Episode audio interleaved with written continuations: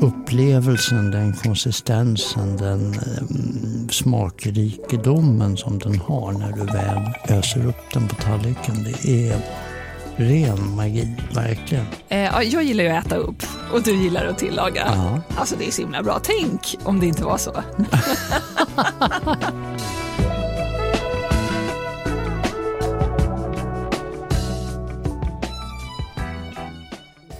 Nej men nu är vi här. Men vad har du varit Ja, precis när vi ja, kommer men hit? Jo, men jag är hos tandläkaren. Nej. Jo, det är med faktiskt. Först tandläkaren och sen en tatueringsstudio. Du har tatuerat dig Mm. igen. Ja, Du har ju en av Sveriges snyggaste tatueringar tycker jag. Sveriges Helt snyggaste gris. Ja, men den är ju fantastisk med styckdetaljerna utmärkta. Ja, ja, oh ja. Som kock, är det nästan ett måste tycker du? Ja. Ja, nej, jo. Ja, kanske lite. Men har du ett speciellt förhållande till just svinet? Ja, eh, det har jag. För, för mig symboliserar det from nose to tail, alltså att man utnyttjar hela djuret. Så det är en, en hyllning till eh, grisen och en hyllning till att faktiskt utnyttja alla styckningsdetaljer. Det är lite heligt för dig. Mm, det får man säga, verkligen. Men nu blev det något helt annat. Ja, nu blev det en penna och en kniv. Oh, kniven förstår jag, den är nästan Ja. självklar. Men pennan? Jo, men alltså det är ju omslaget på min nya bok. Aha. Ah. Men, men varför då? Varför pennan? Pennan för att skriva, kniven för att laga. Det är dina två passioner i livet. Ja, det har blivit så. Vet du Erik vad mitt smeknamn var från mina föräldrar när jag var liten? Pennan. Ja. Nej, Jo. vet du vad mitt var? Nej. Sparrisen. Två långa, sladdriga saker eh, som ska nu göra podd tillsammans. Japp, det är helt underbart. Ja, galet. Du Erik, jag har, har tänkt på en sak jättemycket nu när vi visste att vi skulle gå in i det här tillsammans. Mm. Hur mycket egentligen mat betyder för oss? Ja, mat är ju mer än allt. Jag har en passion verkligen för mat, hur mat lagas, vad man kan göra, vad man kan förbättra. Men du tycker att det är, det är, liksom, det är mer än livet? Ja, det är mer än någonting annat för mig. Först kommer mat, sen kommer mat, sen kommer kärlek. sen vet du fan. Men det kan inte alltid ha varit så. När svängde det? När jag flyttade hemifrån faktiskt, när jag var 17, då fick jag Carl Butlers kokbok av min mamma. Och den började jag laga från perm till perm verkligen. Så jag har lagat alla recepten flera gånger, många utav dem. Och då menar du verkligen alla recepten. Vartenda ett. Och Vilket var bäst då? jag, jag fastnade för en som heter Lam Navarin Printanier. Jaha, Lammet fattade jag. Vad var resten?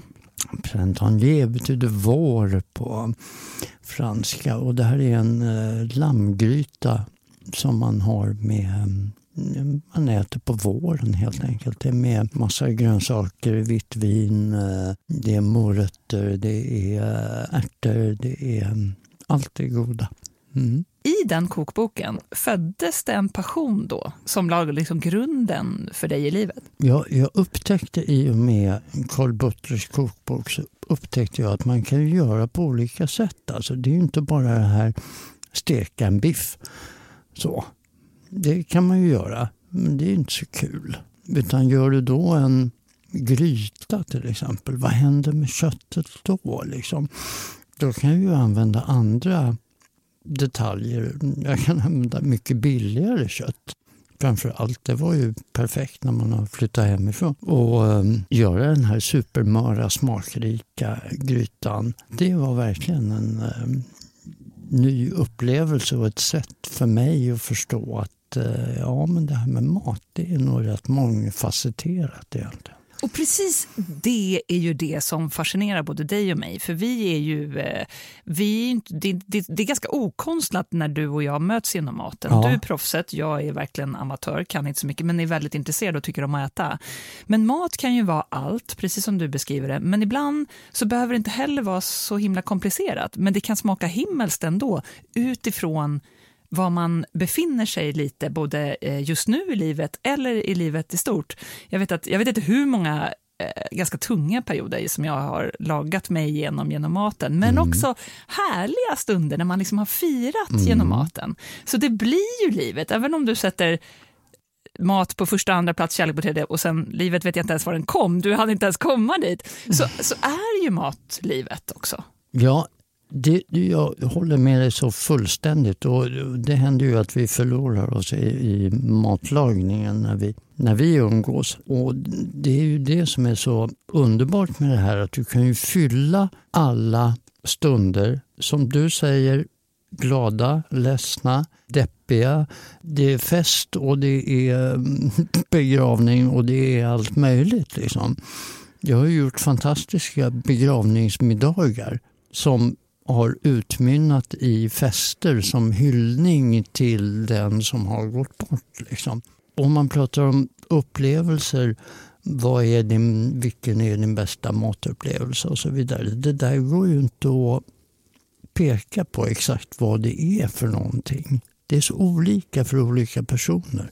För vi har ju verkligen mötts genom maten du och Erik. Du är legendarisk kock och jag, ja, men jag gillar att äta. Och i den här podden, 45 minuter AV, så kommer vi att prata om mat, vin och upplevelser. Och vi kommer ta er med till platser där man både äter och dricker gott och vi ska dela med oss av vår passion för just mat. Du med kunskap, erfarenhet och visdom och jag Ja, men kanske med intresse och smarta frågor framför allt, eller hur? såklart. Ja. 45 minuter AV är sponsrat av Café Lavazza. Jag tänkte ta tillfället i akt och berätta om min första resa till Italien. Som 18-åring och inte kände jag till så mycket om eh, vad man skulle göra och vad man inte skulle göra, vad man fick göra och inte fick göra. Men jag fick lära mig rätt snabbt. Jag gick ner på stranden första morgonen jag fick min cappuccino som sig bör så att eh, man blir lite mjuk och härlig i magen och kan möta dagen. Jag fick en um, syltmunk till också. Det gjorde ju inte dagen sämre kan jag säga. Efter en promenad in till stan så satte jag mig på ett café och tog min första lilla espresso. De andra stod vid disken och svepte i sig sin espresso. Det hade inte jag fattat riktigt att man skulle göra. Så där fortsatte det. Efter lunchen en espresso. På eftermiddagen en espresso. På kvällen sen så gick jag på en eh, fisk och skaldjursrestaurang och jag missade det där med att priserna, det var dagspriser. Så att eh, där rök den reskassan kan jag säga. Nåja. Jag fick en eh, espresso macchiato efteråt med en fläck mjölk. Som om det vore någon tröst. Kaffet var gott i alla fall. Jag undrar om det var Lavazza. När det gäller traditioner så eh, gillar jag att man har några år på nacken så man vet vad man håller på med. Café Lavazza grundades redan 1895 i Turin utav Luigi Lavazza. Att eh, företaget dessutom tar ansvar för ett hållbart och respektfullt odlande det gillar jag verkligen. Luigi Lavazza sa redan 1935 att jag vill inte vara en del utav en värld som förstör naturens rikedom. Kloka ord. 45 minuter AV är därför glada över att sponsras av Café Lavazza.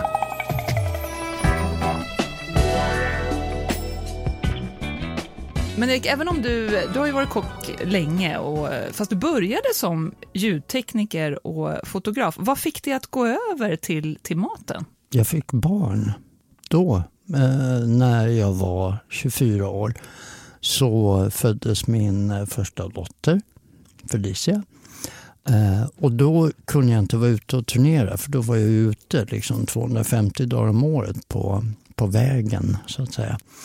Så då föll jag tillbaka. Jag hade ju jobbat lite med restaurang tidigare Men jag föll tillbaka på det och började på Gyllene Freden i Gamla stan som servitör faktiskt. Men när du sa att du hade jobbat lite med mat, alltså som servitör då eller stått Nej. i köket? Jag jobbade i en fotoaffär som gick i konkurs och när den gjorde det då började jag en, en AMU-utbildning på tio veckor på Kristinebergs restaurangskola. Men då har du alltid gillat mat, för att den här kokboken från Carl Butler, Ja. den kom ju innan det här. Ja, den kom långt innan det här. Men jag föll tillbaka på maten helt enkelt. Så att den, eh, den sporrade mig ju till, till det från början. Men vad hittar man självförtroende att våga gå över då till att liksom laga mat mer på heltid? Ja, men det, där, det vet jag inte. Det där är bara jag på något sätt. Jag tackar alltid ja till allting. Redan, Redan då? redan då. Nej, men det har alltid varit sånt. Och sen så är jag ingen, jag är ingen förvaltare. Inte på något sätt. Utan jag vill göra, bygga upp nya saker och göra det. Jag tröttnar väldigt fort. Fast din egen eh, passion för just maten, och jag menar det finns ju ett videgårdskt sätt att laga mat, tycker jag i alla fall. Det har du ju förvaltat väl. Ja, tack. Det var väldigt snällt sagt. Det hoppas man ju att det är så. För du är ju faktiskt inte bara kock, eh, Erik, eh, och har, har varit i den här branschen i massa år. Du är ju internationellt placerad sommelier också. Det är Ja. inte många som vet om. Nej, det var ju ett tag sedan. Det kanske är därför. Men, men nej, jag ser mig inte som jag ser mig inte som kock. Jag ser mig som matperson, typ. Men vad är skillnaden på din nivå? Ja, men jag skriver om mat. Jag, eh, matsal, matsalsarbetet är väldigt viktigt för mig. Det här med att ta hand om gäster och servera och um, mat och dryck i kombination. Och, menyuppställningar och ehm, dukningar och glas och bestick och hela gästens resa genom restaurangkvällen eller lunchen är enormt viktig för mig. För när man talar med människor i restaurangbranschen om dig så är det ofta så de beskriver dig också, att du har betytt så mycket för dem för att du just bryr dig om hela den resan. Och då undrar jag, ty tycker du att det finns ett motsatsförhållande Ja, nu behöver vi inte nämna namn om du inte vill, men du förstår vad jag är ute efter. Alltså att vara kock på hög nivå eh, gör att man he- kanske plötsligt slutar då bry sig om hela den där resan. Jag tror att det där har mycket med att göra vad man, vad man har för läggning, vad man är lagd för att, att göra. Eh, en del människor kanske bara ska jobba i köket. En del människor kanske bara ska jobba i matsalen. Att vara överallt samtidigt, det, det är kanske inte så många som kan det. Det finns några stycken, men, men eh, annars så är det ju det är inte helt lätt det där. Alltså. Titta på Tore Wretman som ju var min husgud i början eh, när jag satte igång. Jag hade ju förmånen att känna honom tämligen väl får jag säga. Jag har varit hemma hos honom i morsan och han har lagat mat och middag till oss. Och, eh, han och jag och Eva satt och åt hemma hos honom. Fantastisk måltid. Han var ju den personen som var överallt. Han kunde köket, han kunde matsalen, han kunde ta hand om gästerna på fantastiskt sätt. Han byggde upp massor med underbara krogar. Eh, och det är väl där krögare snarare än något av de andra bara. Just det här att ta restaurangbesöket för gästen, att ta det på allvar. Alltså det här är en upplevelse för en person som betalar ofta rätt mycket pengar dessutom för den här upplevelsen. Och då vill det till att man fyller den, det behovet hos gästen. Och har man inte fattat det, då har man ingenting i restaurang att göra om man tror att man gör det för att man ska tjäna en jäkla massa pengar. Det är inte där det är. Det är inte där det sitter. Nej, och jag hör ju nu att jag skulle kunna be dig lista och det skulle du säkert kunna göra. Men det ska vi inte göra, In, inte, Nej. inte i det första avsnittet i alla Ja, fall. nej, nej, nej, nej. Men, men jag, jag följer dig och eh, jag förstår precis, Erik, men det är ju otroligt eh, roligt att få ta del av din passion på det här sättet tycker jag också. Få dela med dig av allt du kan till alla som lyssnar. Ja.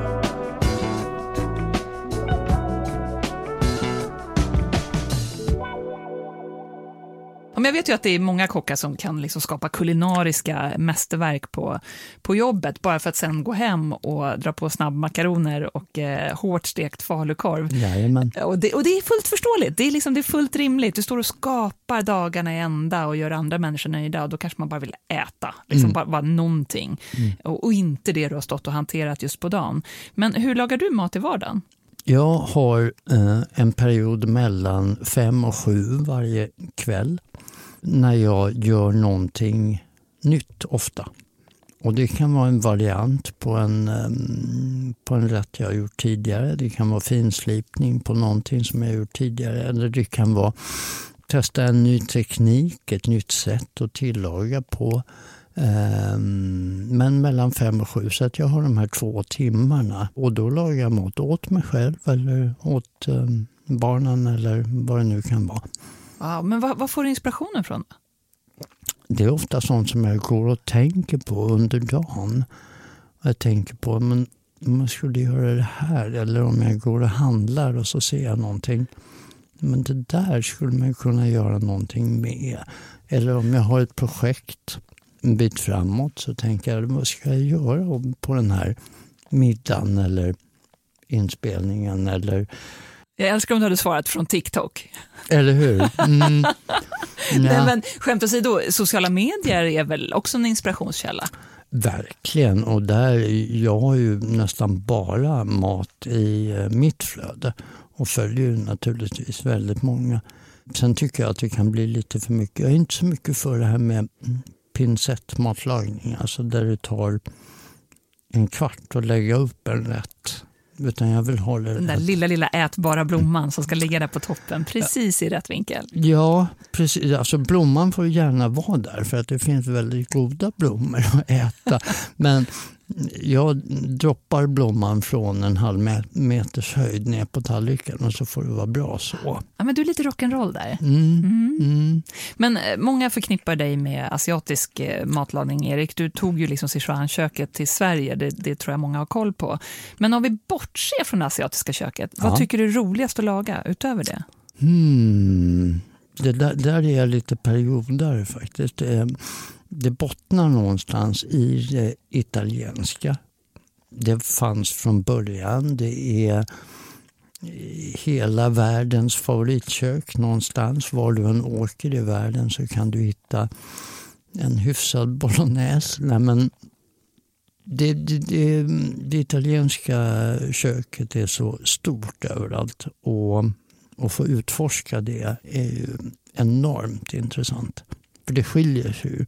Men Italien var ju inte Italien förrän på 1860-talet någonstans. Då var det olika regioner som blev ett kungarike till slut. Men, och det gör ju att det är så mångfacetterat hela landet. Men du lagar mat från hela världen kan man Ja. säga. Ja. Det gör jag. Du går på känsla. Ja, Och lite, lite sociala medier. ja lite grann också. Visst. Jag tycker så här, Erik, om man gillar mat så får man ganska ofta frågan så här, vad, vad är det bästa du ätit eller vad är den största matupplevelsen? Jag tycker det är så svårt att svara på. Men det är omöjligt för det har ju med, som jag ser det, det har ju med vem var du åt med. Är det det som är upplevelsen, mötet med en annan person? Eh, är, det mötet med miljön där du befinner dig för tillfället? Är det bara kvaliteten på maten som betyder någonting? En restaurangupplevelse eller matupplevelse kan ju vara så många olika saker, så det är svårt. Men har du någon, eh, något sånt svar som du skulle ge? För att jag förstår ju vad man är ute efter. Man vill veta vad som har satt sig i minnet, både smakmässigt och upplevelsemässigt. Ja, det finns väl, alltså det är rätt få måltider som jag kommer ihåg. Och det är väl någonting som man kan börja med. Gud vad skönt att du säger det. för ibland får jag panik och tänker, är det bara jag? För att när jag äter någonting riktigt, riktigt bra, och då menar jag inte liksom trestjärnigt bara, eh, utan det kan ju vara en super nollstjärnig, kro- utan Ja. det är någonting bra. Det är, hela min kropp liksom reagerar. Ja. Och så frågar jag, men vad var det då? Då tänker jag säga, jag borde ju kunna återge det här nästan i detalj Mm. i ingrediensform. Men jag tycker det är så svårt för att jag går så helt in i smakupplevelsen. Och nu känns det som att du håller med här. Ja, men jag håller med fullständigt. Bra! Jo, var var det någonstans? Jo, men jag var på den och den restaurangen. Var det bra? Ja, det var jättebra. Vad åt du då? Ingen aning. Eh, vad var det för någonting jag åt? Nej, men det är ju inte där det är, utan det är upplevelsen, det är helheten, det är det som gör det. Precis så är det. Och jag har haft en förkärlek till husmanskost hela livet och har tänkt rätt mycket på varför. Och, och egentligen är svaret rätt enkelt. Några av mina starkaste minnen av mat mm. är ju när jag inte alls är gammal och man står som ett hungrigt barn med kurrande mage och liksom bara väntar och nästan drar mamma i byxbenet på att maten ska bli klar. Nu pratar vi liksom 70-talet här. Eh, och jag är uppvuxen på svensk husmanskost i, vad, på längden och tvären. Det här är ju lite intressant. Vad definierar du som husmanskost? Okej, okay, okay, ja, det är sant. Nej, men då tänker jag mig eh, bruna bönor och fläsk, mm. eh, isterband, mm. pölsa åt vi mm. ganska mycket, eh, kalvsylta. Jag tycker det är gott.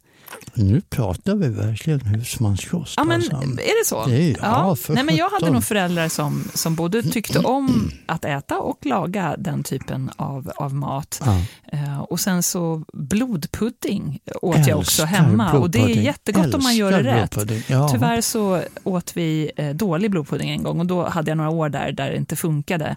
Men jag vet att när i skolan när man serverade blodpudding och det nästan var så en grej att alla eh, skulle gå från mat, ingen skulle äta maten. Jag tyckte det var gott. Mm. Med, om de hade stekt den ganska hårt och sen så lite lingonsylt mm. Och nu pratar vi att jag kanske gick i ettan och tvåan. Ja. Jag blev glad när det var blodpudding. Ja.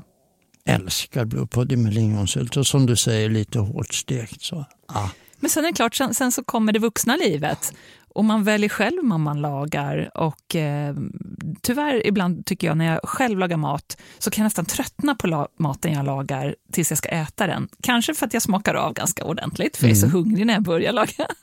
jag nästan är mätt. Men också lite att den där eh, överraskningsmomentet som man får på restaurang när du sitter och, och, och bygger upp en förväntan mm. och du liksom nästan så här går in i huvudet eh, och, och tänker dig råvarorna och hur det tillagas och gör de det riktigt bra så får man ju vänta ganska länge faktiskt. Mm. Och så kommer det här oftast vackra uppläggningen och det smakar himmelskt. Det gillar jag eh, ännu mer. Mer, mer, tillagningen är mer än uppätandet. Eh, jag gillar ju att äta upp och du gillar att tillaga. Ja. Alltså det är så himla bra. Tänk om det inte var så. ah, det blir underbart det här. Jag har varit på några trestjärniga restauranger i världen och det är ju alltid en otrolig upplevelse och vi ska, eh, vi ska tillsammans faktiskt besöka en trestjärnig restaurang, du och jag. Det ska vi göra. Och berätta om den upplevelsen, för jag förstår att det är få förunnat, men det är också väldigt häftig upplevelse om man har ett matintresse. Men jag har också då, några av mina absolut bästa matminnen är från totalt nollstjärniga restauranger, mm, framförallt mm. här i Sverige. För oj, vilket matland vi lever i. Mm, helt fantastiskt. För man brukar ju säga att läsa är att resa, men att äta är ju definitivt också att resa. Vi har varit ute och rest och det kändes så annorlunda efter två år av isolering. En helt galen resa. Och vi valde med omsorg ett land som är väldigt mycket mat för både dig och mig. Verkligen. Vi valde Italien och inte bara Italien utan norra Italien, Piemonte, Barolo-distriktet, Alba, La Morra, Barolo. Det finns flera, Barbaresco. Det är många byar där som är väl värda ett besök och att få åka dit för att vare sig du eller jag har ju varit där. Nej, precis. Och det var så roligt. Jag förväntade mig nästan att du hade varit där. Men så var det inte. Och då valde vi ett av Europas stora matländer och förväntansfulla på mat, vin och trestjärniga restauranger så blev det något helt annat som stod i fokus när vi landade, nämligen hasselnötter. Vi ska snart berätta hur. For 55-60 years, the only solution for the hazelnut was to burn all the grass with uh, herbicides. So 55-60 years. So the contamination of the of the, of the soil, soil, is yeah. a disaster. Oh. Mm-hmm. And often the soil is super uh, poor, uh-huh. very poor. In the vineyard, benissimo. When the soil, soil is poor, the vineyard Perfect. suffer and the grape is uh, yeah, yeah, yeah. shining. In the hazelnut, you need richness. Mm. Mat är ju verkligen eh, också att resa, både smakmässigt och i sinnet, eller hur? Nästan oavsett vad man väljer att, att laga så, så för det tankarna eh, någon annanstans. Inte bara utomlands, utan även kanske i Sverige. Ja, jag tycker verkligen det. Jag tycker att det, det är en form av, kalla det meditation, kalla det um, gastronomisk yoga. Det kan vara massor med saker. Men jag, jag drömmer mig verkligen bort när jag står med kniven vid spisen. Alltså gastronomisk yoga, vad, vad, vad, är, vad är hundens position? vad är det för något? Är det, är det falukorven? Är inte det en ingrediens? Jag älskar det. Vi valde i alla fall att åka till norra Italien, till Piemonte, nordvästra Italien. Det har alltid varit en dröm för mig.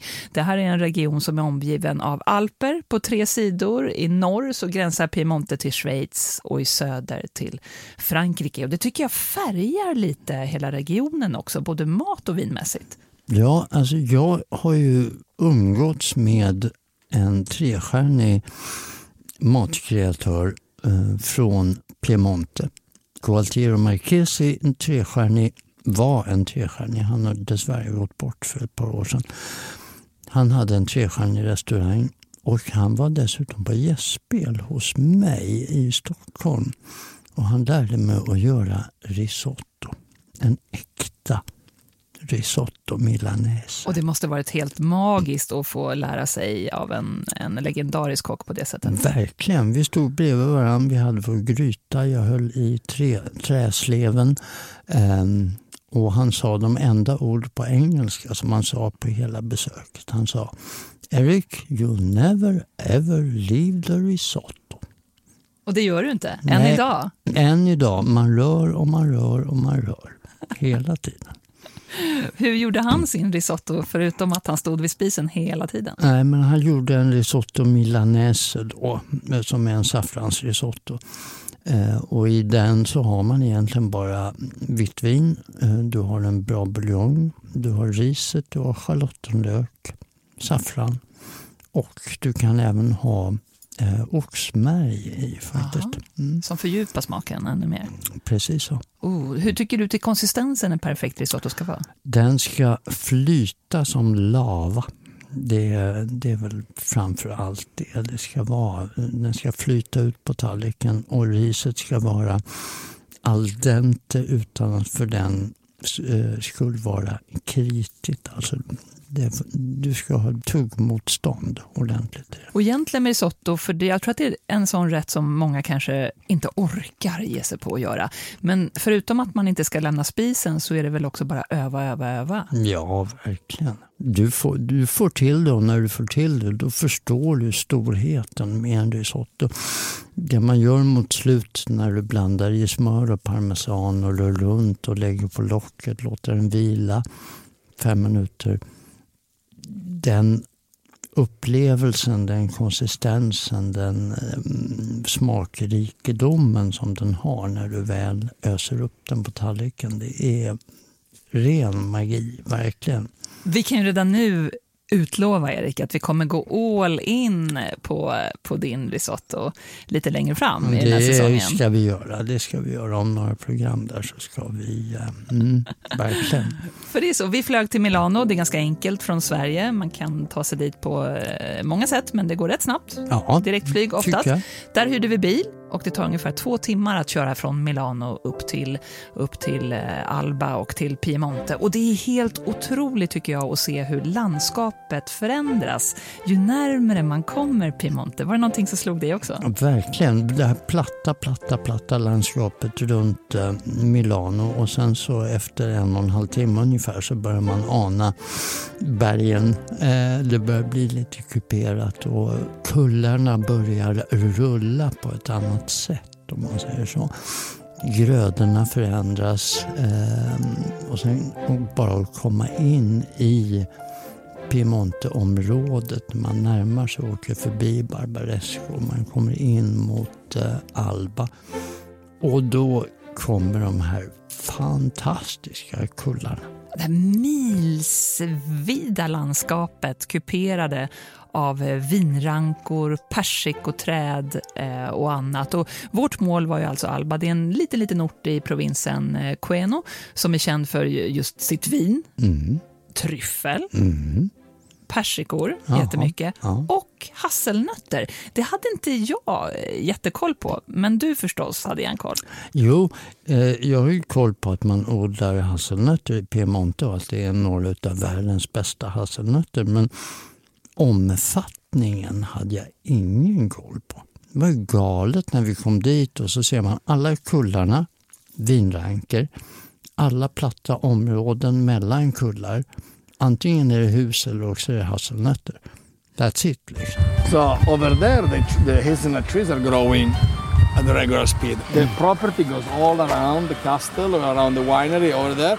Here we have about 35 hectares, and we have uh, of hazelnuts, and we have another uh, uh, 20 hectares uh, around. Vår fantastiska värld som vi mötte när vi kom i vår lilla, lilla hyrbil, en Fiat Panda, klämde vi in oss med alla resväskor och eh, dina gjut, gjutjärnsgrytor som Ja. du hade med dig. Ja. We are all together. We're gonna taste, uh, enjoy, have a, a lot of wines. Sounds totally amazing.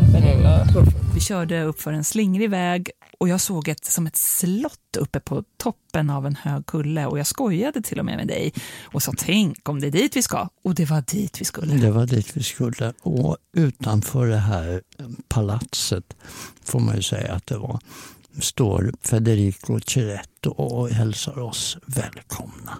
Ceretto som alltså är en eh, stor vinproducent i, i Piemonte, har haft det i generationer och han tar emot oss med öppna armar. Men det är inte in på det här eh, på vingården vi ska då, utan det får vi spara till lite senare. Utan han tar oss med till någonting som man märkte låg väldigt varmt om hjärtat eh, för, för honom.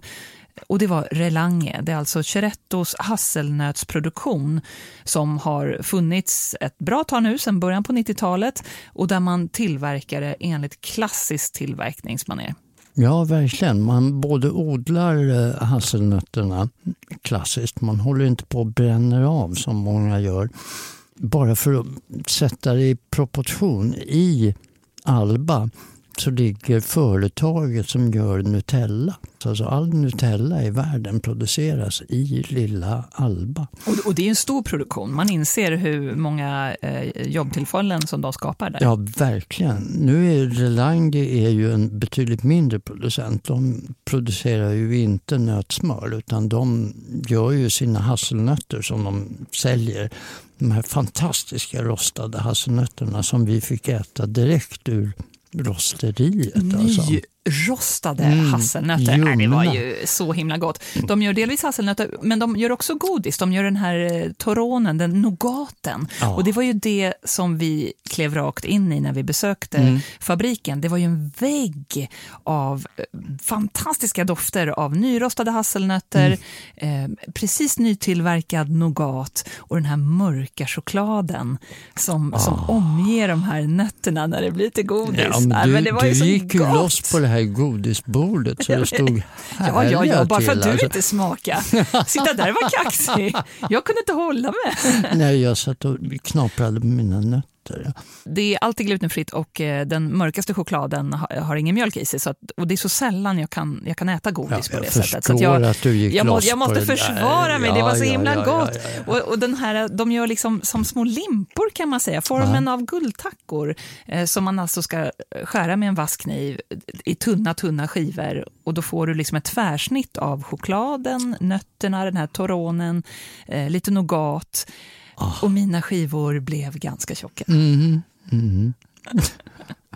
Men du, jag har faktiskt gjort en liten, um, ett litet recept här med uh, hasselnötter som jag fick med mig. Jag köpte ju med mig några kilo Ja, men, naturligtvis. och, v- vem var det som släppte påsen till ditt hotellrum? Ja, det var ju ja. jag. Ja, du det det. beställde helt enkelt Ja, av det mig. var- För det är dags för veckans mat, Erik. Vad blir det? Ja, jag packar upp lite grann här tänkte jag. Mm.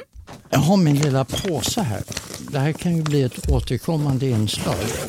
Tänkte jag att jag packar upp servetter, Servetterna, parmaskinka, lite parmaskinka, champinjoner, Mhm. persika. persikor också. Ska allt det här, vad ska det här bli? Ja, vad ska det bli för någonting Jenny? Titta här. Den här burken, jag älskar ju att använda gamla glasburkar och göra saker med. Det har du picklat någonting eller vad är det som Nej. simmar omkring där? det här är alltså fransk senap. Jaha. Det är en vitvinsvinäger. Det är hasselnötter. Det är honung. Det är olivolja och det är rapsolja. Salt och peppar. Det har jag blandat i burken och sen Skakar du det? du bara skaka den så har du din dressing. Ah, vad smart. En hasselnötsdressing. Precis, och hasselnötterna är de nötterna som Federico Ceretto eh, skopade upp ur rostningsmaskinen i Barolo. Här har vi då salladen. Jag har gjort en blandning här utav eh, machésallad, rucola, rädisor och eh, spenat. Och så toppar vi det här då med lite persika. Och så fortsätter vi med lite tunt skivade champinjoner. Och sen ska vi dra på den här härliga dressingen. Och ganska mycket också. Ja, Härligt, det vara. Mycket härliga hasselnötter. Så grönsallad, persika, champinjoner, hasselnötsdressing. Ja, och sen så stänger jag igen locket här och så skakar jag hela den här lådan. Ja. Det flyger inte ut. Jo, det flög ut lite, men det spelar ingen roll. Och så i skålen, efter att du har skakat. skålen och sen ska vi toppa det här. Vi lite härlig parmaskinka. Titta vilken fin lunch du har gjort. Här Jenny får du din lunch. Det är en sallad med rucola, machésallad, eh, spenat. Det är rädisor, Mm, doftar ju jättegott. mm, persika och sen den här dressingen då med hasselnötter direkt från Piemonte. Och det söta från persikan. Mm. Ja, det söta och sen gjorde jag den rätt syrlig och så har du fransk senap i den här dressingen också. Fransk senap och en chardonnay-vinäger. Den kan man väl äta. Mm, jättegott. Får du med dig några nötter där också? Här är nötterna.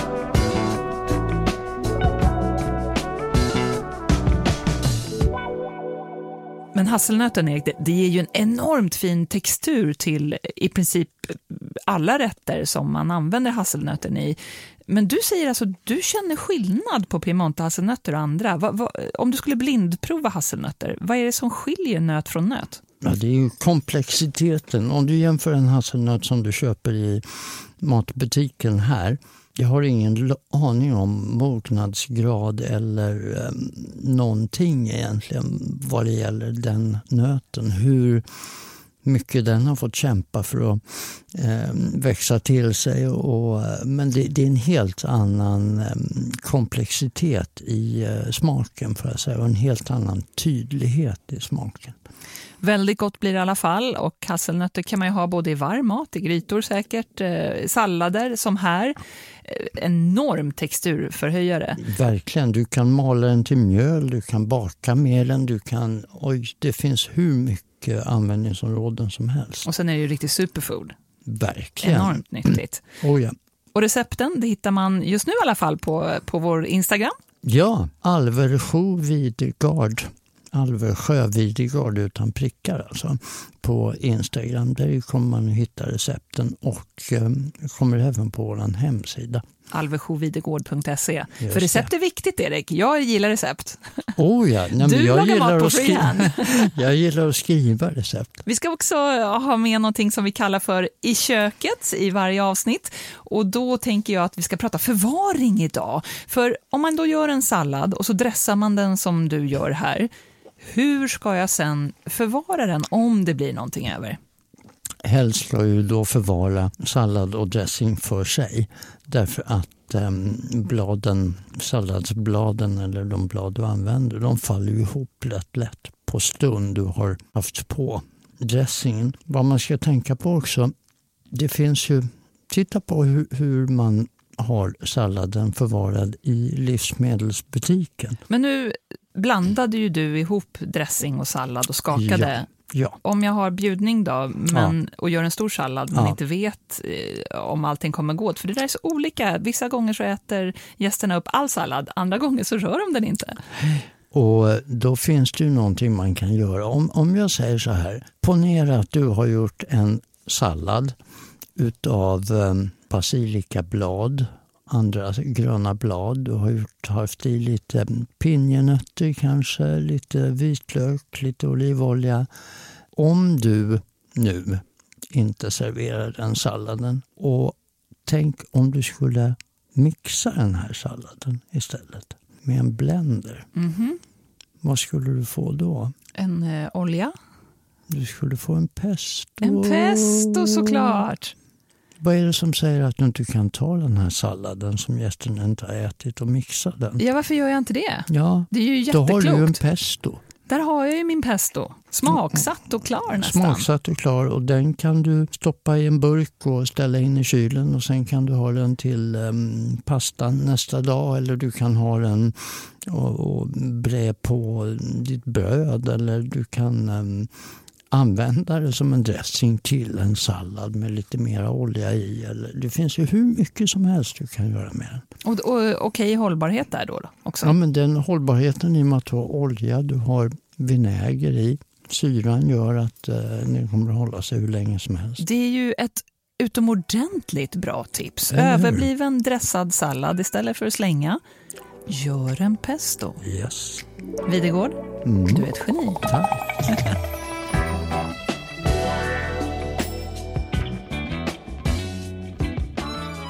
...45 minuter AV sponsras av The Wine Agency. The Wine Agency har ett stort utbud av viner och de som du inte hittar på Systembolaget de går alldeles utmärkt att beställa. Jag har provat eh, två olika viner i eh, sortimentet idag. Jag har provat ett vitt från Etna och jag har provat ett rött ifrån Alba. Det vita Etna Bianco Villa dei Baroni från årgång 2019. Den här är gjord på en duva som heter Caricante som är unikt för Sicilien som vinet kommer ifrån. Underbara dofter grapefrukt, gula äpplen, persika. Jag tyckte jag hittade aprikos i också. Passar ju alldeles utmärkt till eh, maten som vi presenterade tidigare i avsnittet idag. Alkoholhalten ligger på 12,5, rätt hög. Det är varmt, man känner det i eh, doften. Jag skulle verkligen kunna rekommendera det här till sallader, till ja, kalla förrätter, till um, fisk med lite smak i. Även kyckling. Alldeles utmärkt. Etna Bianco Villa dei Baroni har artikelnumret 74809. Som rött vin en Borgogno Dolcetto d'Alba. Årgången som jag testat här är 2017. Dolcetto är normalt sett en rätt billig, eh, billigt vin men här har du mera kraft. För det här vinet är odlat på ställen där du normalt sett odlar Barolo, alltså en riktiga Barolo-viner. Nebbiolo som druvan heter då. Men här är druvan Dolcetto. Det är lättare men ändå med full kraft. Jag gillar den här till charkuterier, till pizza, till pasta. Du får gärna blanda i lite svamp i den. Full fart på det här vinet och eh, någonting som jag varmt kan rekommendera. Borgogno Dolcetto d'Alba, årgång 2017 och artikelnumret är 75967. Och det här går som sagt att beställa på Systembolaget. Njut av de här vinerna från The Wine Agency.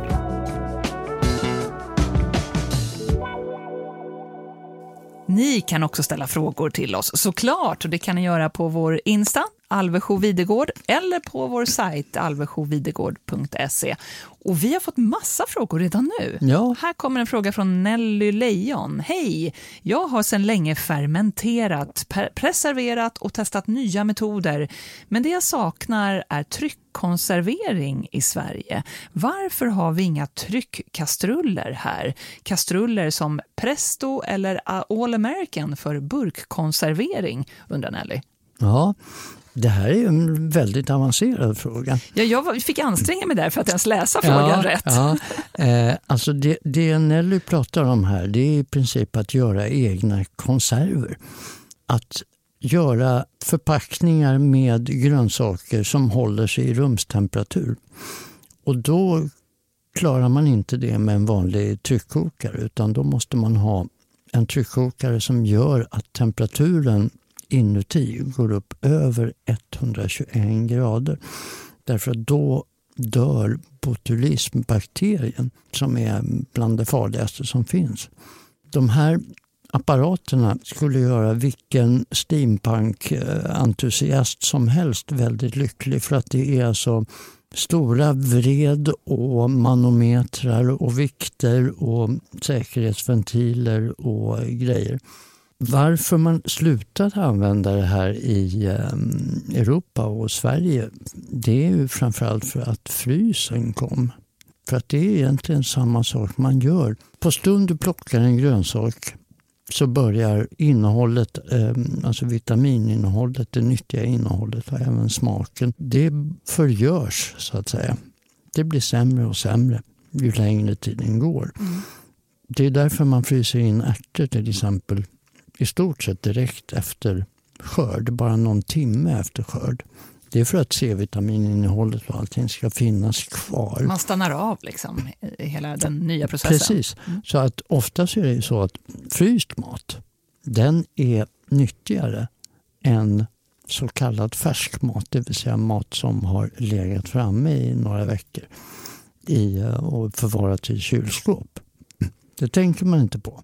Tryckkonservering Apparaterna får man köpa i eh, USA men man måste läsa på väldigt mycket för att det är inte helt ehm, problemfritt. Det finns explosionsrisk och eh, annat med också. Aj då, jag känner att jag inte freestylar här när det gäller tryckkonservering. Jag får ha dig bredvid. Vi hinner med en fråga till från Kent Niklasson. Hej, vilket är ditt bästa sous recept Sous vide älskar jag. Sous vide betyder under tryck och innebär att eh, man eh, vakuumförpackar i plastpåse och sen tillagar i vattenbad. Mitt bästa tips för sous vide-tillagning är att du tar vit sparris, du tar en skiva smör, salt, en citronskiva, vakuumförpackar det, kör det i vattenbad 85 grader i 30 minuter.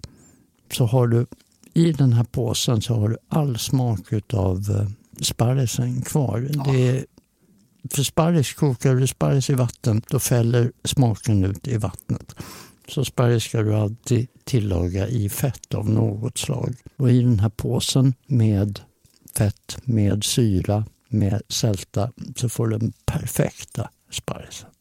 Säger sparrisen. Ja! Underbart Erik. Eh, fortsätt ställa frågor till oss på Alvesjö Videgård på Instagram eller på vår sajt alvesjövidegård.se. I nästa avsnitt, Erik, då ska det handla om eh, tomater. Tänk att eh, samma grönsak kan smaka så otroligt olika. Från den här hårdaste gröna, runda lilla saken till den största solmogna bifftomaten. Ah, det älskar ju tomater. För mig är den tomat som du får som inte har passerat genom någon kyl, eh, perfekt mogen. Eh, det är som den finaste oxfilé för mig. Nästan finare faktiskt. En lite annan prisklass dock. Ja, vad ligger en, en, en härlig oxblodstomat på om du ska få den det kan vara eh, jättemycket. Det kommer vi prata om i nästa avsnitt. Ja, det gör vi. Och så fortsätter vår resa till Piemonte. Yes.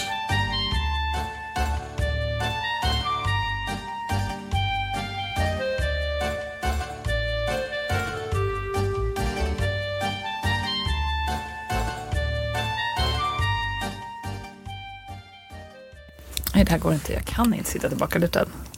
Men det är svårt. Det är ja. svårt. Jag eh, gör ju aldrig det när jag jobbar. Nej. Nästan inte ens privat. Nej men på riktigt. Men det är liksom, man, ja, men Mm. jag tycker det är ganska, jo det är klart, man, det är klart att jag också kan dega ihop. Om jag ska vara helt ärlig. Det tror jag inte på. Jo, men sluta. Varför? Ja, det där är sånt så här, det där är inte jag, Erik. Jag har också såna sidor. Ja, okej. Varför tror aldrig någon på mig?